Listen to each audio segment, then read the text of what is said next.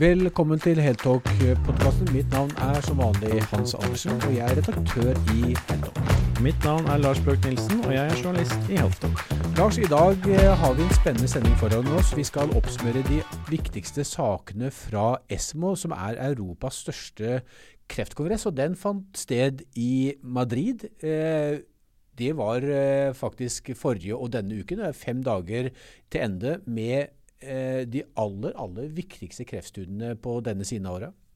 Det stemmer, Hans. Og i dagens eh, podkastsending, eh, hvor vi skal oppsummere kongressen, så har vi fått med oss en, en god bunch med kreftleger. Kjente, sterke navn innen feltet som skal hjelpe oss å oppsummere. De vi har fått med oss, er da overlege og professor Bjørn Naume, som skal oppsummere brystkreftnyhetene. Vi har fått med overlege og leder av Norsk onkologisk forening, Daniel Heinrich, som skal oppsummere urologisk kreft. Overlege og professor Kristina Lindemann skal oppsummere gynekologisk kreft. Og overlege Vilde Drageseth Haakensen skal oppsummere hva som var viktigst på lungekreftfeltet. Et veldig sterkt felt av de fremste innenfor eh, hvert av disse diagnoseområdene. Og vi kan jo ile til å si Lars, at dette er jo eksklusive intervjuer som vi ikke har brukt i våre ESMO-saker ennå, så dette er en oppsummering som er vel verdt å få med seg. Dette blir den første oppsummeringen vi kjører, så dette er absolutt verdt for de som vil ha en, eh, en god oppsummering på det viktigste på Esmo. De mm. bør uh, følge med på denne sendingen. Men uh, Lars, du og jeg dro jo til Madrid forrige torsdag. Uh, og hva er det, det viktigste du tar med deg hjem fra kongressen?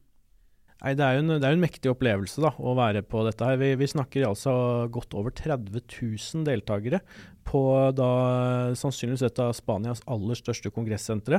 Eh, og opplevelsen bare av å gå inn på noe sånt når du er ferdig registrert og komme inn, og kongressen er i gang, det er jo helt uh, spesielt. Uh, bare avstandene hans er jo så lange.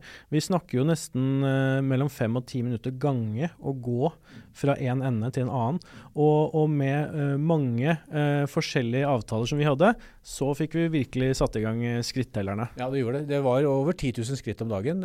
og vi intervjuet en rekke norske leger, i tillegg til de vi har kommet til å, å ta med oss oss i dag. Men uh, det, som, du kan si, det som jeg, uh, i tillegg til det du sier, uh, opplevde som det sterkeste, var ikke minst i denne presidentale salen, altså der de største presentasjonene skjedde, de viktigste. Der sitter det altså 7000 kreftleger samlet som tar imot da disse presentasjonene. og mange av disse presentasjonene har jo veldig god effekt, og noen eh, får eh, Spesielt én fikk stående applaus. og da, Det er helt spesielt eh, i, i, et, eh, skal vi si, et sånt nøkternt miljø som eh, onkologer eh, representerer. Ja, det var jo helt vanvittig å være med på.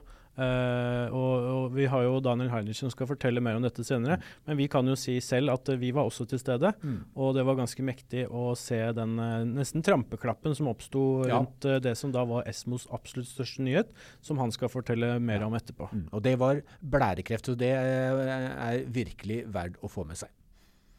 Uh, så vi går litt uh, over til uh, forskningen og hva vi, hva, vi, hva, hva vi, kanskje har påpekt oss mest. Vi kan jo starte da med, med deg, da, Hans. er det noe, hvis det er én studie du har liksom trukket ut fra, fra, dette programmet? Ja, du kommer jo ikke unna akkurat denne blærekreftstudien. Nå skal ikke jeg ta ordene fra Daniel Heinrich, men, men når Padsev, altså en målretta cellegift, og Keytruda, som da er en veldig velkjent immunterapi, når den ble gitt sammen i kombinasjon, så økte den Så doblet den overlevelsen for blærekraftpasienter med spredning. Og det er eh, helt eksepsjonelt. Eh, og det var som du sa, det fikk stående applaus. Ja, det var helt uh, vilt å være med på. For min del så, så er det faktisk en norsk studie som, uh, som, jeg vil trekke fram. Det var denne NIPU-studien med Ultimovaccin UV1 kreftvaksine, uh, som det ble lagt fram data på, med Åslaug Helland, som de fleste kjenner som overlege og professor på lungekreftfeltet, som, som, da la fram denne NIPU-studien. Og, og, og, dette ble jo en viktig sak for oss, Hans, for her fulgte vi opp med det som kom av kritikk fra den såkalte Discussant Ja. eh, under, på slutten av sesjonen. Eh, og det, det fikk det jo til å gå varmt i, etter vi la ut den saken i, i tech-investormiljøene. Virkelig. Det, det er noe som de som har investert og tenker å investere penger i Ultimo-aksjen, åpenbart har fått med seg. Eh, fordi at disse dataene var jo ikke udelt positive, eh, som denne ekspertkommentatoren eh, trakk frem. Eh, han sa jo bl.a. at eh, han mente at studien var i feil setting. Med det så mente han at Eh, studien var jo andrelinje, det burde vært i førstelinje, der, eh, der denne immunterapikombinasjonen, eh, IP-nivå er, godkjent allerede i, EMA. Så, eh, og han mente jo også at dataene var tvilsomme på mange måter. Han sa jo blant at disse kurvene for Kaplan-Meyer-diagrammet de krysset hverandre eh, opptil to-tre ganger, som, som er selvfølgelig en indikasjon på at kanskje dataene ikke er så valide som man skulle tro. Og eh, nå I denne sendingen skal vi hovedsakelig snakke om de største internasjonale nyhetene. Eh, men for de som er interessert i å følge opp mer rundt NIPU, så har vi to saker på det. ene med oppsummering med Å- Helland, som Mm. svarer på kritikken fra Discussant.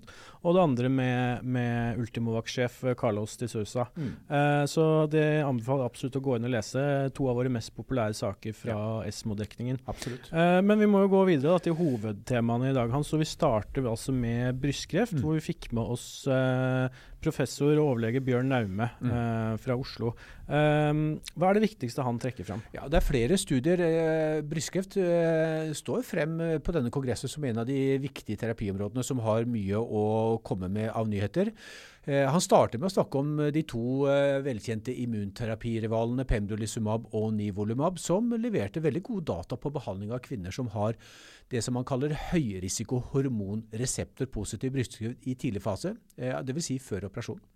Så Det er en viktig studie. Så snakker han eh, også om en studie som vi har fulgt ganske tett. Eh, det er Monarch E-studien, hvor da en velkjent CDK4-6-hemmer Abemaciclib er blitt gitt adjuvant, altså rett etter operasjon til kvinner med høyrisikobrystkreft. Og der kom det femårsdata som var sterke. Vi, jeg tror vi bare lar uh, Bjørn Naume få ordet, og så skal vi høre hvordan han oppsummerer de viktigste nyhetene på uh, brystkreft på Esmo i år. Nå har du akkurat kommet ut fra den store eh, Madrid-salen. Du har sammen med 7000 sett uh, at en, en, en spennende studie på brystkreft har blitt presentert. Det er Tropion Breast eh, 01 med da dette antistoff legemiddelkonjugat, eller målretta cellegiften datopotamab derextucan. Eh, Hva var det eh, vi hørte der inne? Det viktigste er jo eh, at eh, medikamentet synes å gi en, en bedre effekt enn vanlig cellegift for de pasienter som er inkludert. Og, og det ga en gjennomsnittlig en to måneders lengre kontroll på sykdommen, som ikke høres så mye ut, men som kan være av betydning i seg selv. Eh, eh, men samtidig også med betydelig lavere eh, bivirkningsfrekvens når det gjelder mer alvorlige bivirkninger. Så Det er jo bra for pasientene som eventuelt kan tilbys dette. Samtidig så er det jo fremdeles tidlig å si om dette har betydning for hvor lenge pasientene lever. og Det, det er jo ting man ønsker å også ha eh, data på før man blir helt sikker på hvor godt dette er. For det vi så her, eller hørte her inne, det var progresjonsfri overlevelsesdata, og ikke totaloverlevelse. Så du tenker at det overlevelsesdata må vi ha før eh, du kan si noe mer konkret?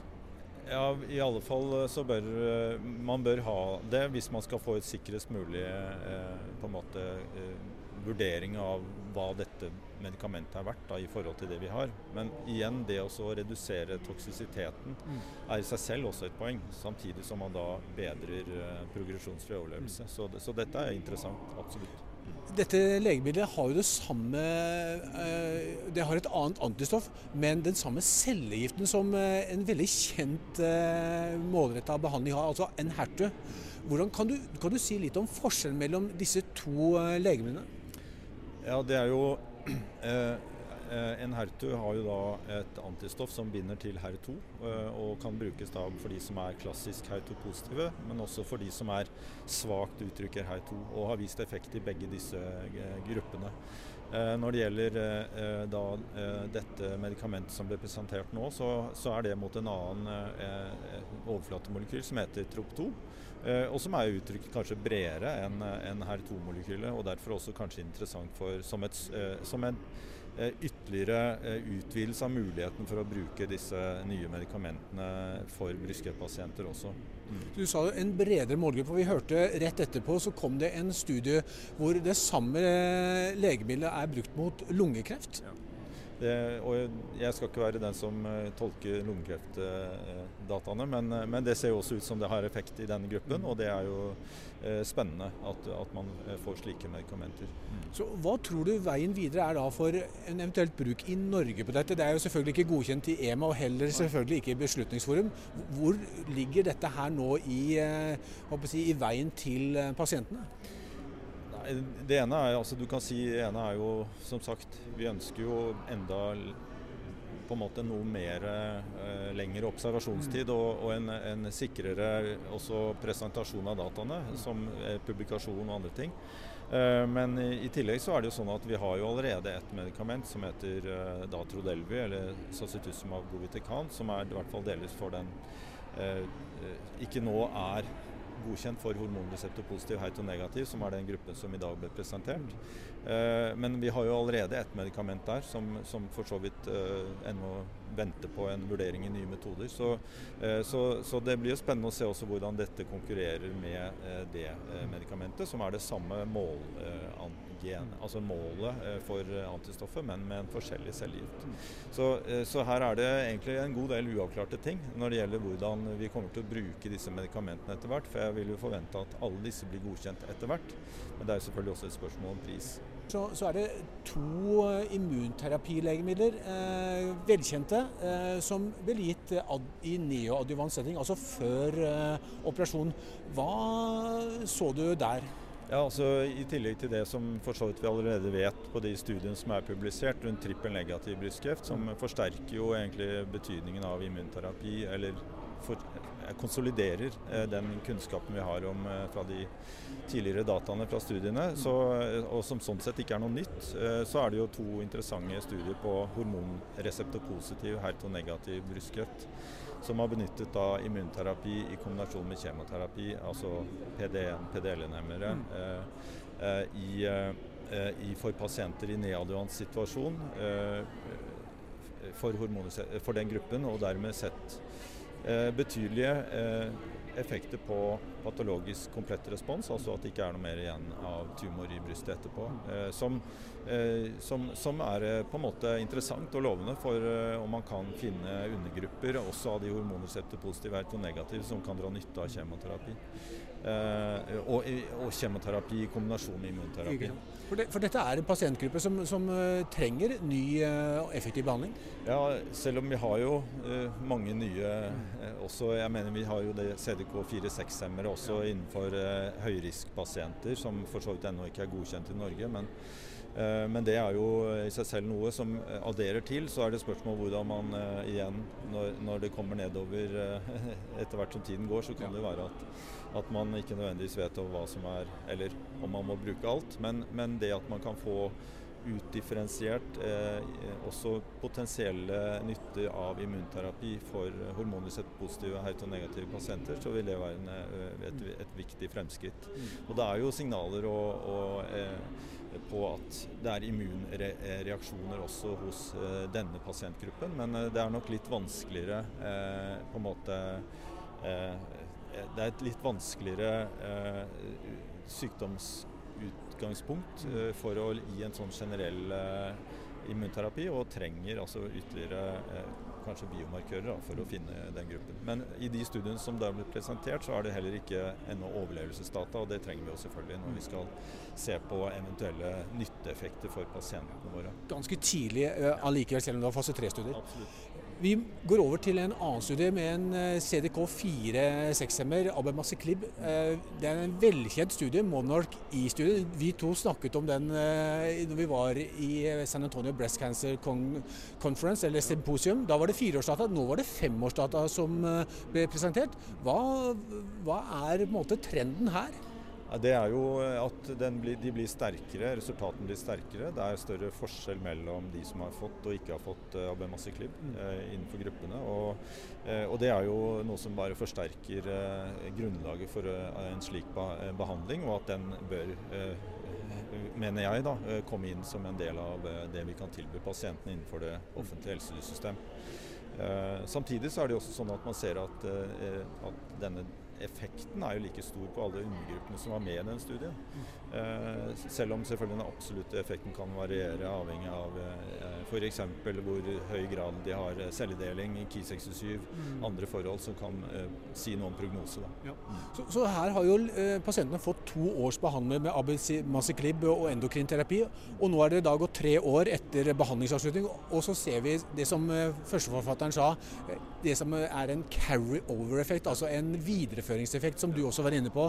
At uh, effekten bare tiltar og tiltar. Mm, ja, nettopp. Og det, det, ser vi jo både på de da eh, altså sykdomsfrie overlevelseskurvene, og samtidig også på da, eh, eh det som vi forventer. Eh, men overall survival den er jo ikke ennå moden ennå, og det er jo ikke forskjell, signifikante forskjeller. Men det er færre også mm.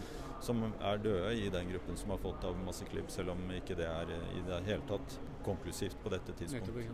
Beslutningsforum som du var litt inne på, de, de, skal, de har sagt nei eh, tidligere i, i, i, år, og skal mest sannsynlig ta det opp på nytt. Eh, hva er ditt stalltips for eh, hvordan dette kommer til å gå?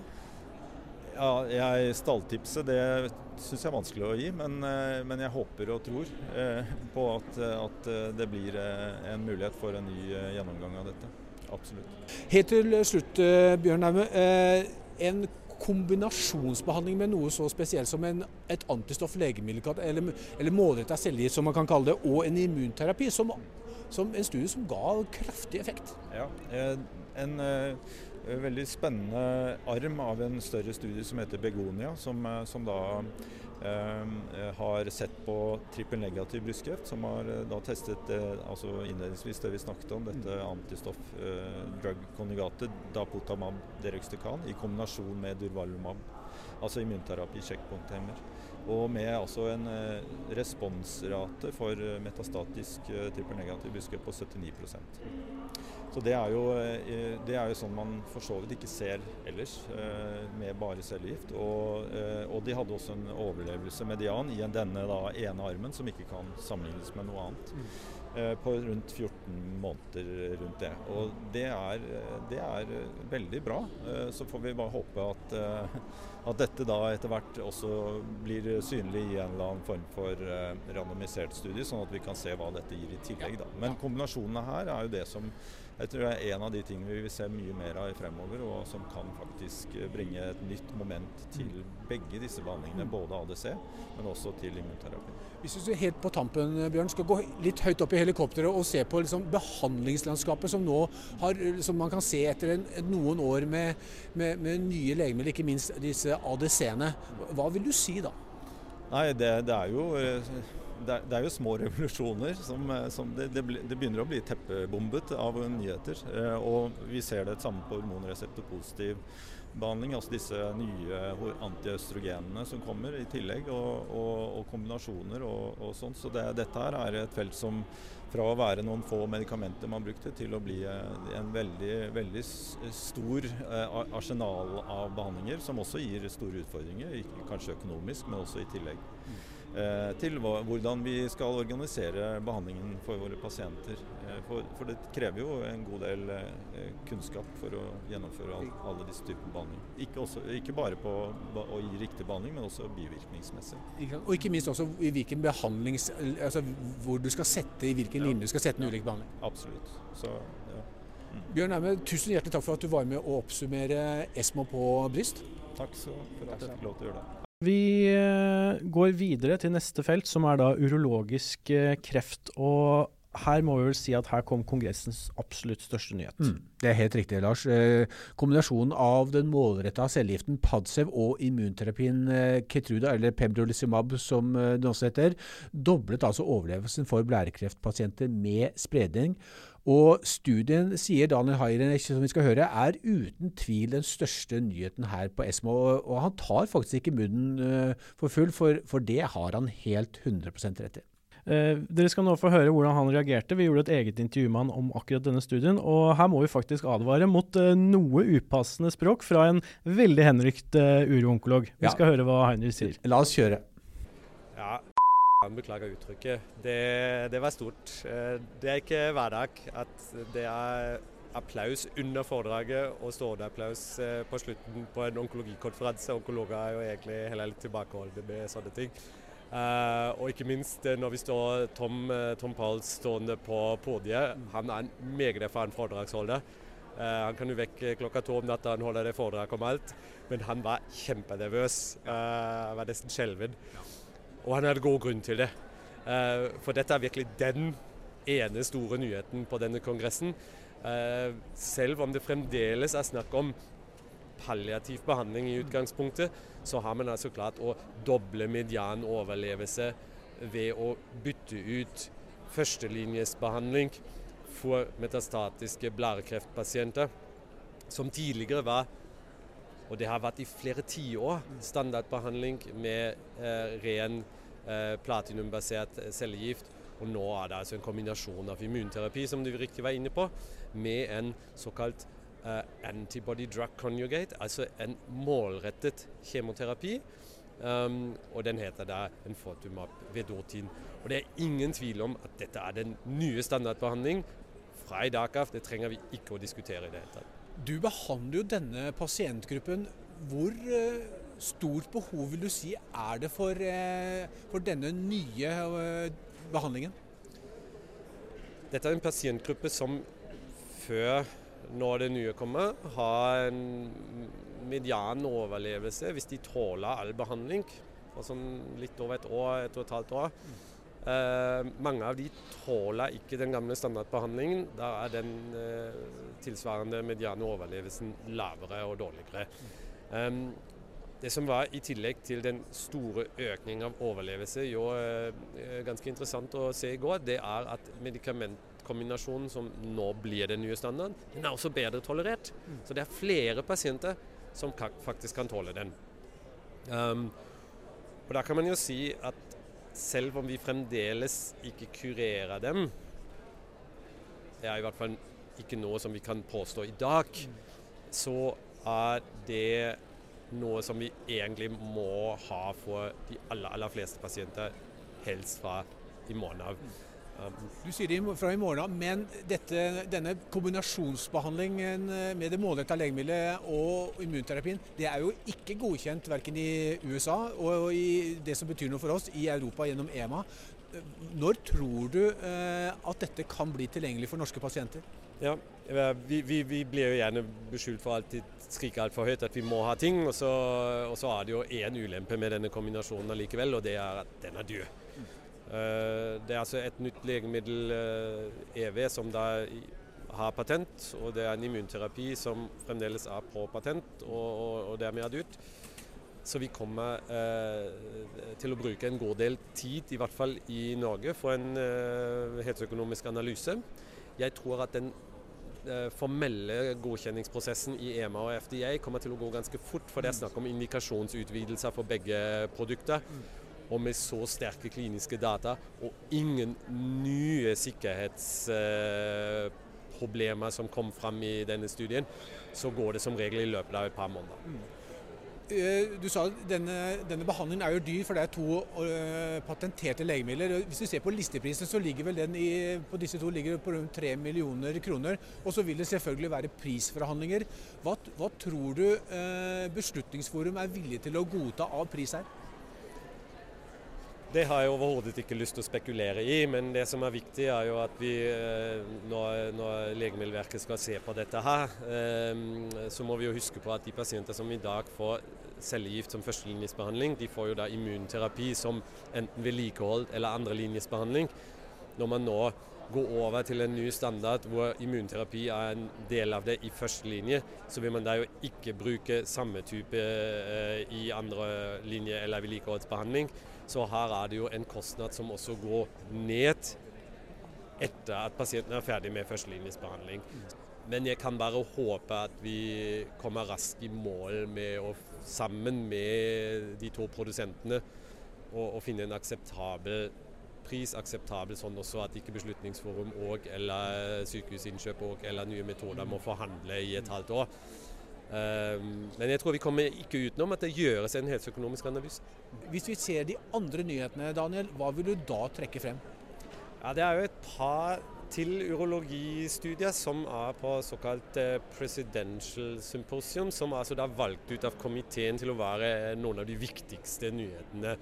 Da kommer det nyheter altså på prostatakreft, hvor lutetium PSMA 617 eh, brukes i en tidligere behandlingssituasjon enn det det er godkjent hittil. Eh, den studien er formelt positiv. Det er ikke overlevelsesdata ennå. Eh, kontrollarmen er nå svak, etter min mening. Um, og, og, det vil nok ta litt tid før dette blir implementert i rutineklinisk praksis. Men viser allikevel at medikamentet funker, funker også i tidligere behandlingssituasjoner enn det vi har en positiv studie fra før og en godkjenning. Um, så, så, det er viktige data, ikke umiddelbart eh, praksisendrende. Og så var det jo litt leit for uh, den andre blærekreftstudien, uh, som da også er positiv, med tillegg av immunterapi til kjemoterapi mot, mot kjemoterapi alene. Uh, hvor vi også faktisk hadde norsk medforfatter i Jan Oldenborg. Um, men det ble bare tre måneder gevinst på den, og mot de 16 måneder gevinst med EV, så um, blir jo det dessverre ikke standard of care nå i framtiden.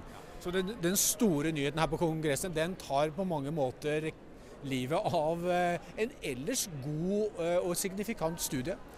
Ta, ta, litt æren av det, ja. Og, og, og det er alltid litt, uh, litt, leit når man ser det. Uh, samtidig som uh, vi har da nok et prosjekt som, som, beviser at man kan forbedre cellegift som førstelinjesbehandling for bladkreft. Og det har man jo slitt med i 20 år å, å vise til. så nå er det to på én gang. Og, og, det betyr også at det, standarden må jo endre seg nokså fort. Er det andre nyheter? Nå har vært gjennom, vi vært gjennom blærekreft og uh, prostatakreft med, med, dette da uh, Pluvicto, som det heter. Uh, er det andre nyheter som du la merke til?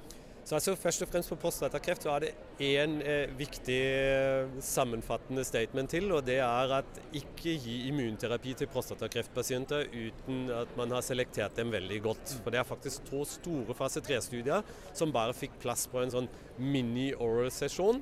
Altså fem minutters taletid fordi de er klin negative. Det er ikke en dag overlevelsesgevinst på immunterapi for prostatakreft hvis man gir det til uselekterte pasienter. Vi vet at det er en liten prosentandel av prostatakreftpasientene som har nytte av det, men vi må definere hvem de er. Og det uh, har man ikke gjort i disse studiene, så det blir ikke standardbehandling. Men kjempeviktig resultat. Så har vi nyrekreft til slutt. Nyrekreft, uh, Der kom det to studier på et, en ny type legemiddel eh, som heter Belsutifan, og som er en HIF-2-alfa-hemma. I en sen behandlingssituasjon. Også da var egentlig kanskje den viktigste av disse to studiene da var designet til studien litt sånn tvilsomt, i hvert fall kontrollarmen. Eh, det var ikke mange pasienter vi hadde lyst til å putte i den eh, studien.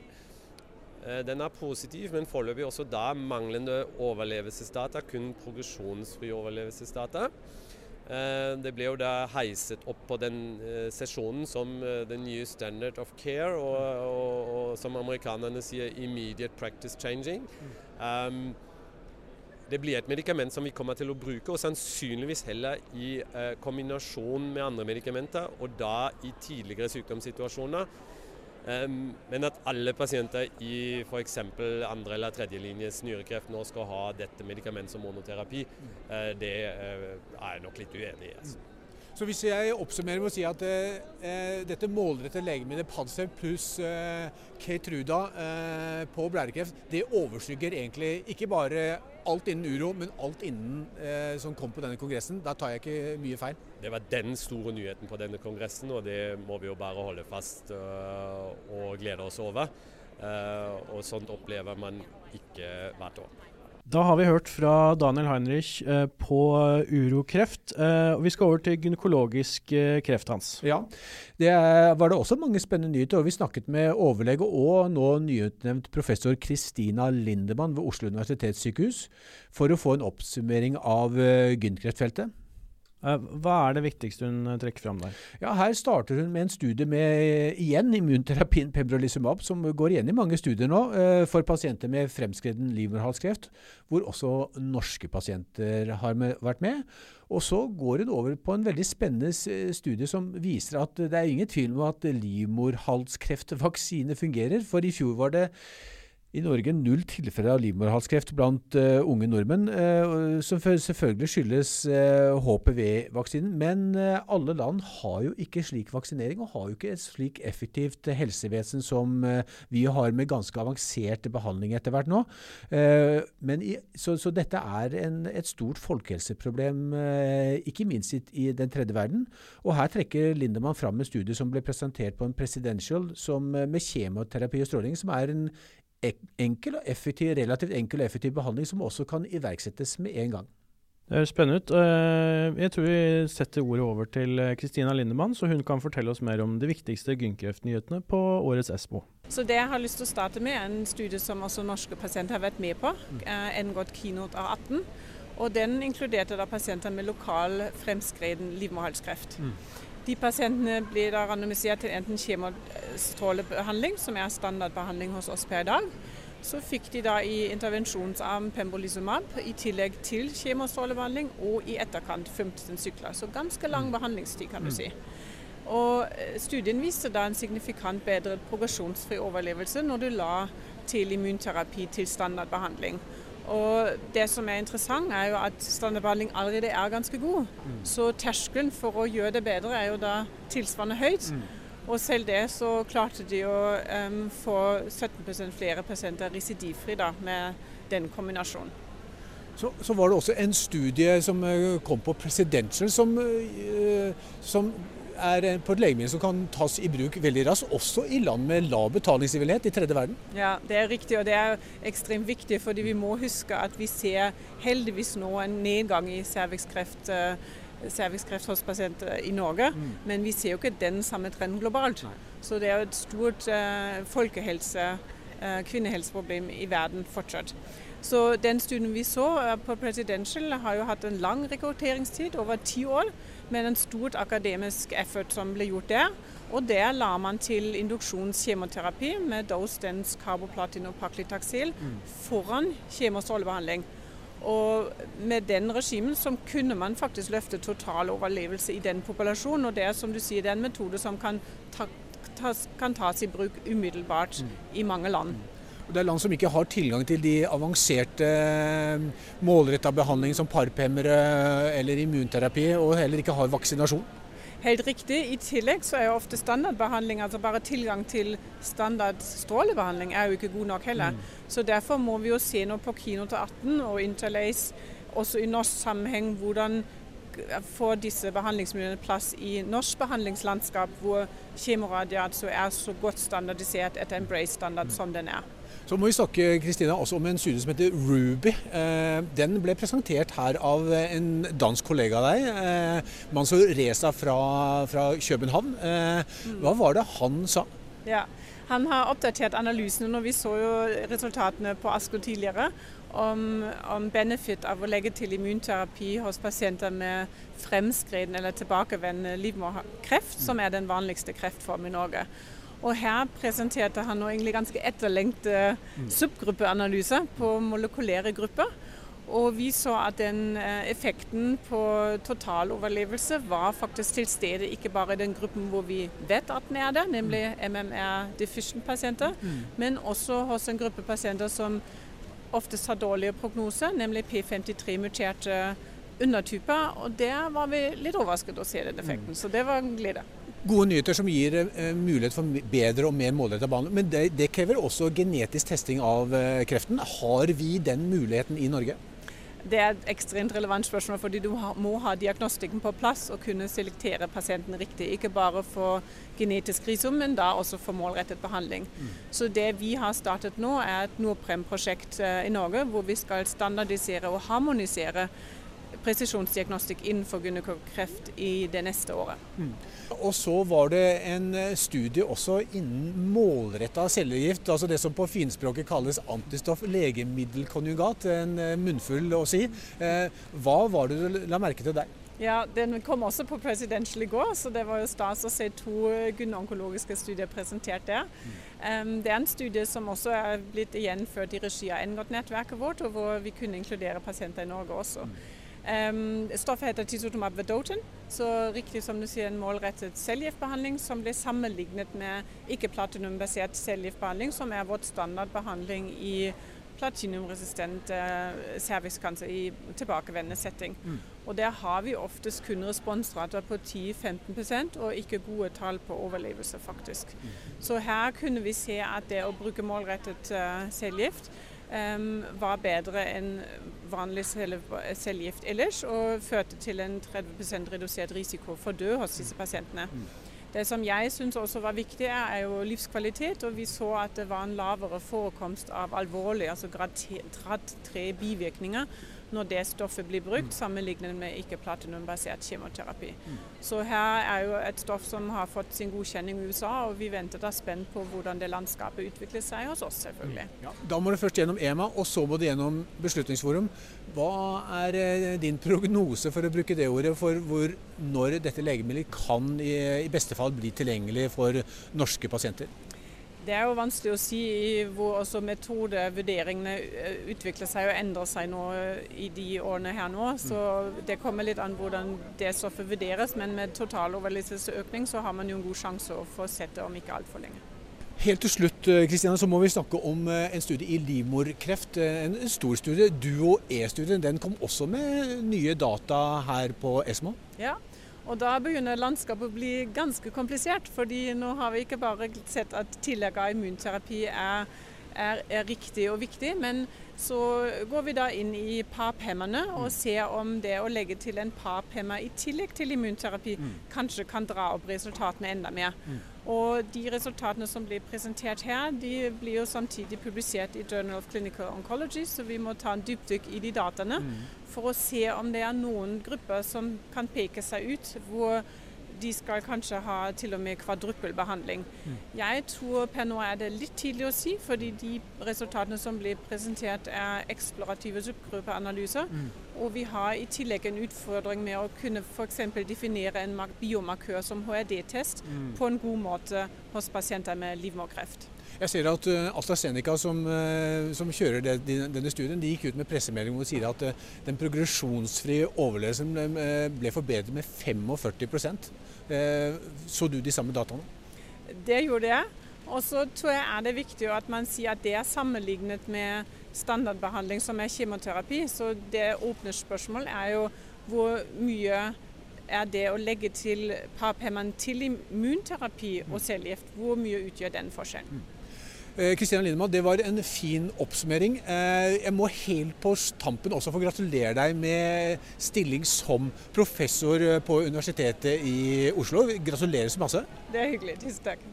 Ja, det var en eh, beskjeden Kristina Lindemann, som altså er nyoppnevnt professor. Og etter det jeg har klart å finne ut, også den yngste gynekologiprofessoren noensinne på Universitetet i Oslo. Så det er ikke verst. Det er jo eh, det er veldig stort, og det er en veldig dyktig, dyktig kreftlege med stort engasjement for uh, gynkreftsaken. Ja, definitivt. Vi skal uh, over til uh, neste og siste tema for uh, dagen. Det er da lungekreft, og hvor vi har da fått med oss Vilde Drageseth Haakensen mm. fra Oslo universitetssykehus, mm. som skal ta oss gjennom det. hva var det viktigste hun poengterte, Hans? Ja, altså det, Bare for å ile til å si også at lungekreft, ikke småcellet lungekreft, er jo fremdeles den kreftdiagnosen som tar flest liv. dessverre i Norge over 2000, rundt 2400 400 som dør hvert år. Veldig, det skyldes jo bl.a. at mange kommer sent til behandling, dessverre. Men på Esmo så er det blitt presentert mange nye studier som gjør at vi, vi nå kan, ifølge Vilde Dragseth Haagesund, kan se et skifte i hvordan vi forstår og behandler denne sykdommen. Og siste ordene der skal vi gi til, til Vilde Hågensen, og, og, høre hva hun sier om viktigste eh, lungekreftnyhetene på Esmo. Ja, der ble det presentert både Checkmate 77T eh, og Keynote 671, eh, som eh, har fire syklus med kjemoimmun før kirurgi, og så ett år med immunterapi etterpå. Den ene med nivolumab og den andre med pembrolizumab. Og dataene er relativt like, med komplett responser rundt 20% opp til 25% og også gode data på e-, event-free survival men da sammenligner man jo eh, med eh, neadvant behandling uten immunterapi. Så de har ikke det som vi har som standard hjemme, med at man går rett på kirurgi eh, i dette her. Um, og så er det jo kommet også Alina-studien, som har målrettet behandling eh, etter kirurgi for de som har ALK-forandringer, og viser overbevisende resultater med Alektinib i to års adjuvant behandling. Men der har de en oppfølgingstid som går på som er litt over to år. Sånn at Der eh, venter vi og ser på hvordan det går med totaloverlevelsen, og om du får en skulder etter at de slutter med behandlingen. da. Alektinib det er et legemiddel som er innført som førstelinjebehandling. Så, så nå er spørsmålet om eh, dataene er gode nok til at eh, EMA godkjenner også dette som adjuvantbehandling? Ja, Det vil jeg tro kommer, men spørsmålet er om de vil eh, innføre det nå på eh, event-free survival, sånn som de i og for seg gjorde med osimertinib, eller om de vil vente på totaloverlevelse. Så, så, er det også, Du har nevnt en målretta terapi allerede, men du har også andre typer målretta terapier. altså Antistoff, legemiddelkonjugater eh, og bispesifikke antistoffer. Legemidler som, har, eh, som, er ganske nye innenfor eh, lungekreft, men som vi har sett i bl.a. brystkreft og, og blodkreftbehandling. Mm, der kommer det jo en del data på mandag, både ja, fra flere firmaer egentlig. Både bispesifikke antistoffer og antistoffkonjugater. og det, det, er jo van, det er vans, en vanskeligere pasientgruppe å behandle. når de har, Det er ofte pasienter som har hatt, eh, eller eh, progredert etter immunterapi. Eh, hvor Dostaxel er grunnbehandlingen nå. og Det er jo allerede presentert negative data, men på mandag kommer altså da både bispesifikke antistoffer i Mariposa-studiene og Tropion Lung, som har noe forbedring i responsen. da. Det blir veldig eh, spennende. Brystkreft, det, unnskyld, eh, lungekreft, ikke småsett lungekreft, det er jo den kreftformen som eh, dessverre tar flest liv i Norge. og Mange kommer sent til diagnose, og mange har dessverre ikke effekt selv av den mest effektive medisinen. Hva, hva, kan, hva har dere og denne kongressen vist for pasienter som har kommet langt med kreften sin? Eh, det har jo vært eh, noe funn også på målrettet behandling på libretto for pasienter med utbredt sykdom. og Ellers så har kanskje fokuset vært mest på disse ADC, eller er mest på ADC og bispesifikke antistoffer, hvor det kommer noe. Men der er det små skritt av gangen. altså Det viser ikke eh, enorme Det er ikke game changing enda, sånn som jeg oppfatter det. Så må vi helt til slutt eh, ville komme inn på, på vaksine, altså kreftvaksine. Der eh, har jo Norge ligget tidlig i, i, i, rekken. Der var det en, en, studie som ble presentert i går eh, med UV1-vaksinen. Eh, Åslaug Helland gjorde det. Eh, hva tenker du om denne type vaksiner i fremtiden? Nei, Jeg eh, syns det er veldig spennende. Det må nok gis sammen med immunterapi for å få full effekt av det. Det er jo kanskje noe av grunnen til at vaksiner ikke har vist så stor effekt tidligere. Og som han som kommenterte NIPU-studien i går sier, så kan det hende man lettere får eh, effekt av vaksiner ved å ta dem inn tidligere i behandlingsforløpet. F.eks. neoadjuvant og adjuvant. Men helt konklusjonsmessig, dette har vært en eh, kongress med hvor, hvor ikke småcellet lungekreft og behandling for det har virkelig eh, vært imponerende. Ja, ja, og det er veldig gledelig. Det er jo som du sier en sykdom hvor mange fortsatt dør fort. Sånn at vi trenger ny behandling og trenger nye studier. Og det ser vi virkelig at det er interesse for her, altså. Da nærmer uh, årets uh, Esmo oppsummert-sending seg slutten. Men uh, året er jo ikke over for oss når det gjelder å følge kreftnyheter. Hans, hva er det vi skal gjøre videre før nyttår? Nei, det er på ingen måte over. Det er faktisk to store amerikanske kongresser som står for tur, i begge to i desember. Det er ASH innenfor hematologi, som går i California, og San Antonio Breast Cancer Symposium, som går i selvfølgelig San Antonio i Texas. Eh, begge to viktige kongresser som vi også fulgte i fjor. Og de skal vi selvfølgelig følge i år også. Mm. Eh, og i tillegg så har vi jo notert oss at det er eh, eh, Onkologisk forum eh, i november. og Det er jo da en av de viktigste norske arenaene for eh, de norske onkologene. Der de samles og har gode fagdiskusjoner på, på, slutten av året. Det er riktig. Så det blir en spennende avslutning på året. Og så dukker det helt sikkert opp eh, en del andre spennende nyheter innenfor eh, både kreft og andre diagnoser som vi kommer til å følge. Absolutt. Jeg håper dere har nytt denne spennende Espen-sendingen. og så snakkes vi i neste uke.